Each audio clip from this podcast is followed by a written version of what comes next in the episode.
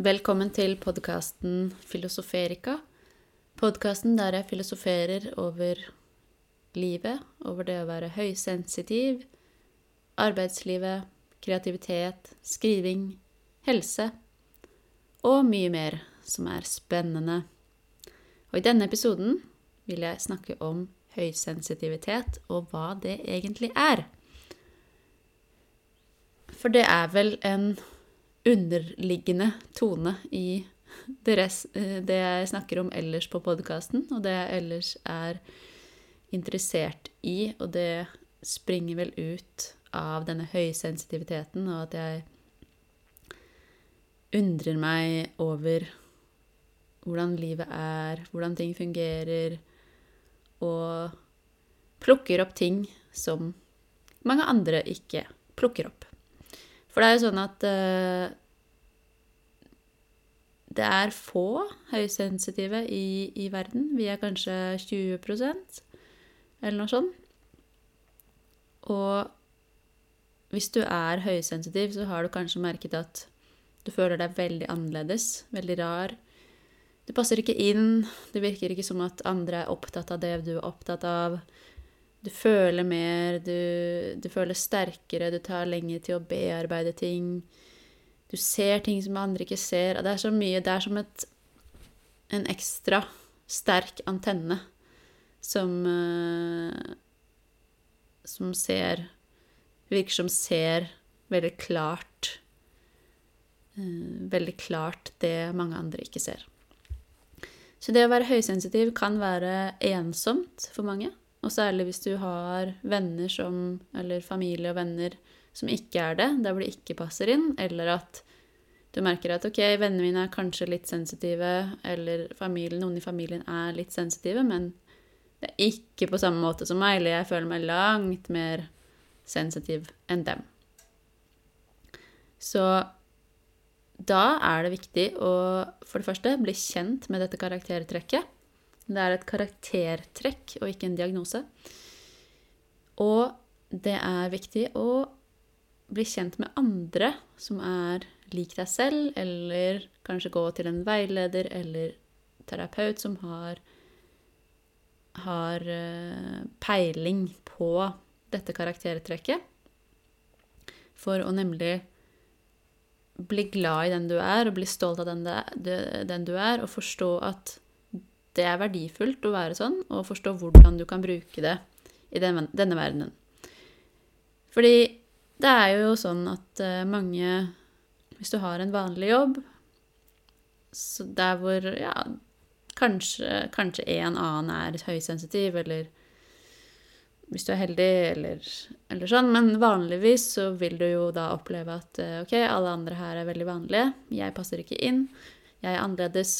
Det er ingen andre her som er opptatt av dette og sånn, og da er det veldig lett å føle seg rar, feil og dum, egentlig, fordi Fordi man føler seg jo dum ofte, som, som ikke helt klarer å passe inn i sånn samfunnet ellers er, og det, man, det alle andre ser ut til å være opptatt av, osv. Men da, da, hjelper det altså å, å lære om dette karaktertrekket sette seg inn i det og forstå hvorfor du er sånn, og hva du skal bruke det til. Så ok, hva er det egentlig, da? Det handler om at vi har et mer fintfølende nervesystem, som gjør at vi reagerer mye mer på alle eksterne stimuli, som f.eks. lyd, lukt, smak, eh, andre mennesker, energier osv. Det er ikke, sånn jeg ser det, så er det ikke bare knyttet til våre fem sanser, hva vi kan se, ta og føle her, men det er også knyttet til energetisk, det vi ikke kan se og ikke kan oppleve med, med våre fem sanser. At vi opplever stemninger og energier som, som, ingen andre ser, som ikke man kan forklare, men bare vet at det er sånn. Den andre tingen er at vi er empater. Altså vi er veldig empatiske for andre mennesker, dyr, naturen. Så det gjør rett og slett vondt. Kan gjøre fysisk vondt også, eller psykisk vondt, når, når vi ser at noen blir skadet, eller at uh, man raserer naturen, eller at dyr har det vondt. Da gjør det altså fysisk og psykisk vondt for de som er eh, empater og høysensitive. Den andre tingen er at vi føler alt veldig dypt og trenger gjerne lang tid på å bearbeide. F.eks. hvis du har vært i et forhold, det har vært et brudd, og du ser på TV eller andre som bare sier 'ja, ja, bare kom deg over det', og bare finn en rebound eller sånn og sånn. Det funker ikke for høysensitive. Det kan bare gjøre mer skade. Men at du trenger da veldig lang tid på å bearbeide, forstå og reflektere og virkelig hva skal man si, kjøre det gjennom systemet før du får det ut og får bearbeidet det. Det kan ta mange, mange, mange år. Så der igjen, samfunnet mener én ting, ja, bare sånn og sånn, kom deg videre, livet er for kort og bla, bla, bla. Vi hører alle disse tingene. Men for høysensitive så er det helt annerledes. Så egentlig generelt, det som samfunnet og det vi ellers ser i nyheter og leser i mainstream media og vi hører på jobben og hører fra naboen og hører fra dit og datt, gjelder ikke oss. Det er egentlig bare å si det sånn. Så etter jeg hadde da studert en del om hva høysensitivitet er, via Elaine Aron Hun har forsket på høysensitivitet. Hun er en amerikansk psykolog. Hvis du googler henne, så får du opp masse bøker. Hun var på en måte pioneren innenfor høysensitivitet. Jeg leste om høysensitivitet eh, og ikke minst høysensitivitet og, og parforhold. Det, en, det, kan være en egen episode, men jeg kan bare nevne kort at det også er, kan være veldig utfordrende fordi vi tar på oss andres energier og føler det den andre føler, og f.eks. det å sove med en annen som det kan, være, det kan være stressende eller vanskelig fordi vi kjenner så godt hva som foregår i den andre personen. Så og vi trenger veldig, veldig mye søvn fordi eh, Fordi hjernen vår trenger å bearbeide alle inntrykk, alle sanseinntrykk, enda dypere enn hos mange andre, så vi trenger gjerne mer søvn enn andre. Så jeg har jo hørt noen f.eks. anbefale at ja, sov alene hvis du kan det noen dager i uka, bare for å hente deg inn sette av åtte-ni timer til å sove. Altså du trenger mer hvile og søvn enn en mange andre. Og det derre vi ser i mainstream media også, da, at noen blir hyllet for å sove fem timer og fungere bra. Ja, for noen funker det. De kan bare kjøre på med kaffe og sånn, men det funker altså ikke. Hvis vi har sovet dårlig, høysensitive, så fungerer vi ikke bra. Så nå hopper jeg litt fram og tilbake her, men jeg håper du henger med. Og da etter jeg hadde satt meg inn i Elaine Aron høysensitivitet, så fikk jeg en viss forståelse. Men så var det likevel noe som manglet, og da lette jeg videre og videre og videre og kom over en personlighetstest som heter Myers-Briggs. Der eh, det er 16 mulige personlighetstyper, fire bokstaver, som da utgjør at vi har 16 ulike personlighetstyper. Og den første bokstaven hvis du, hvis du vil google dette, så søker du bare på 16personalitytypes.com. Jeg skal legge ved en lenke også. Så er det jo sånn at eh, den første, bok, eh, første bokstaven det handler om er du introvert eller ekstrovert. Og mange høysensitive er vel jeg tror de fleste høysensitive er faktisk introverte. Jeg tror det er 70% som jeg har lest, er introverte. Så det introversjon handler om, bare kort fortalt, er at vi, vi får energi ved å lade opp alene, mens ekstroverte får energi ved å lade opp sammen med andre, eller være sammen med andre. Så det handler ikke om hvor mye du kan prate, eller om du er sjenert og sånn. Det handler ikke om det. Men det handler om hvordan er det du best får eh, energi og lader opp. Samtidig så har jeg også funnet ut at eh, jeg lader opp, og det er jo representativt for alle høysensitive, for så vidt. Du lader opp ved noe som er meningsfylt, og med de riktige menneskene, med dype samtaler, kreativitet, flyt, mening, alt dette her.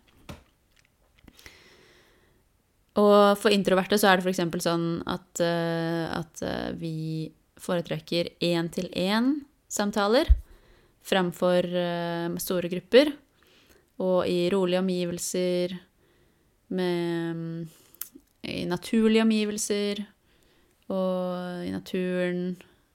Og, og dype samtaler der hvor vi der hvor vi føler at vi har uh, At vi får energi, at det gir mening. Så for eksempel jeg som liker mennesker, og jeg liker å veilede og undervise, jeg fungerer mye bedre når det er små grupper og én-til-én enn store grupper. Store grupper fungerer ikke så bra for meg. Da er det akkurat som at jeg står som en skivebom foran klassen, og så bare blir jeg skutt inn med alles energier og alles opplevelser og alles følelser, og det blir for mye for systemet mitt. Da opplever jeg sånn der overveldelse. Jeg klarer det én eller to timer, men jeg ble helt utslitt. Så det er mye, mye, mye bedre for meg som introvert å ha én-til-én eller veldig små grupper.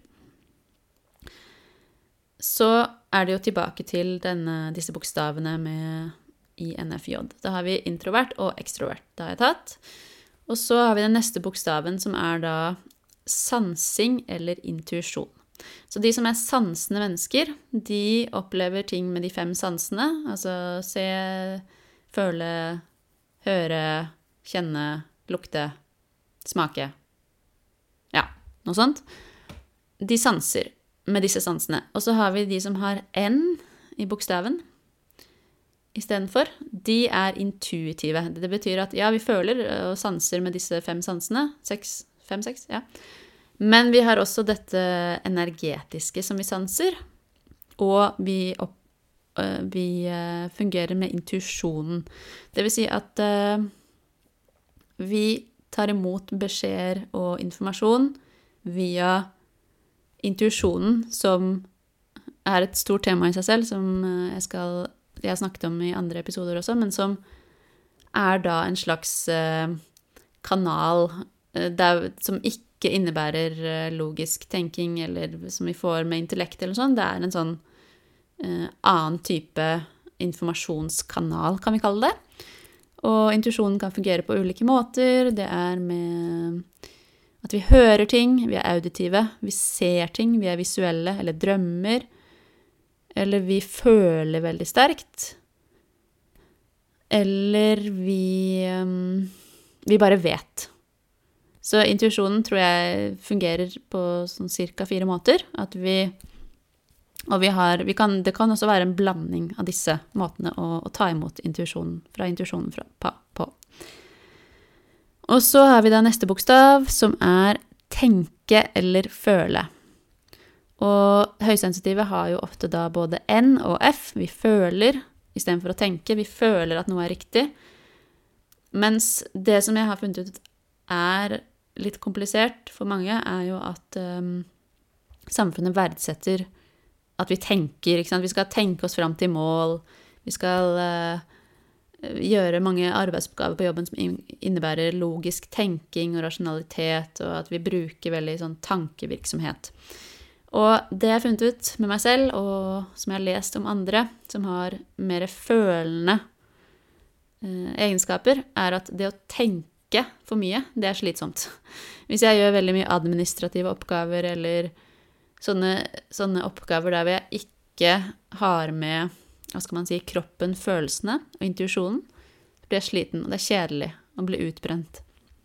Men hvis jeg får med den derre den derre føle, følesansen, hvor jeg heller kjenner etter i kroppen hva er det som føles riktig, hvordan, hvordan uh, også, også, er i settinger hvor jeg kan bruke denne sansen, f.eks. i veiledning, det er gjerne sånne empatiske, empatiske situasjoner hvor jeg kan føle inn og få kontakt med, med følelsene, så, så er det fungerer jeg bedre enn, enn, om jeg må prøve å tenke meg fram til ting. Så la oss si at ok, du har et problem, og istedenfor å tenke, tenke, tenke, og vi er veldig overtenkere, ikke sant? mange av oss høysensitive overtenker utrolig mye, Sånn at uh, det å heller kjenne etter i kroppen Ok, hvordan føles det? Hvordan, hva slags energi har den ene eller den andre beslutningen? Så, så det handler om, om, det, å komme tilbake til kroppen istedenfor å la hodet bestemme. Og så den siste bokstaven er jo om man er eh, på, på engelsk er det da P, perceiving, eller judging, altså J. Og oversatt til norsk så ser jeg det på som at de som har J, er mer planleggere og strukturerte, og så organisatorer. Og de som har P, er mer sånn eh, spontane og kanskje får masse ideer av gangen og Man kan oppleve dem som kanskje litt uorganiserte, men de, det er en struktur i det. Det er uh, Hovedforskjellen er at de får at de får så utrolig mange ideer hele tiden. At de tar imot veldig mye ideer. Så det som kanskje er viktigst å tenke på med, med det å være høysensitiv, eller å ha N og F i bokstavene sine, er jo det at vi, vi fungerer på en annen måte enn en de fleste. Vi er ikke feil eller noe sånt, men vi, vi trenger andre ting. Vi har andre Vi har helt andre verdier. Vi er ikke opptatt av ytre resultater eller mål eller noe sånt. Vi er opptatt av hva det som driver oss innifra. Hva slags indre utvikling kan vi få ut av de ulike situasjonene eh, vi er i. Men samfunnet verdsetter jo veldig den derre de ytre målene og de ytre resultatene. Så kanskje for en person som har uh, vært uh, Hva skal man si Veldig mye i stillhet i mange år og ikke gjort så mye, så har det foregått utrolig mange indre prosesser, og den har utviklet seg enormt. Mens for det ytre øyet så ser det ut som en bare lat person som ikke gjør noen ting. Sånne ting. En annen ting Høysensitive er veldig, veldig kreative. Ofte har masse ulike kreative talenter. Eh, vi er eh, gjerne veldig gode på å skrive eller ha en annen kunstform som vi elsker. Male, tegne, drive med musikk. Eh, og vi er kjempegode med mennesker. Vi er så empatiske og flinke til å se andre. Og skjønne andre. Og lytte, som er en veldig viktig egenskap i dagens samfunn. Sånn at vi er utrolig gode veiledere og terapeuter. Det er så utrolig mye mer jeg kan si om, eh, om høysensitivitet. Jeg tror jeg skal slutte der og heller lage flere episoder.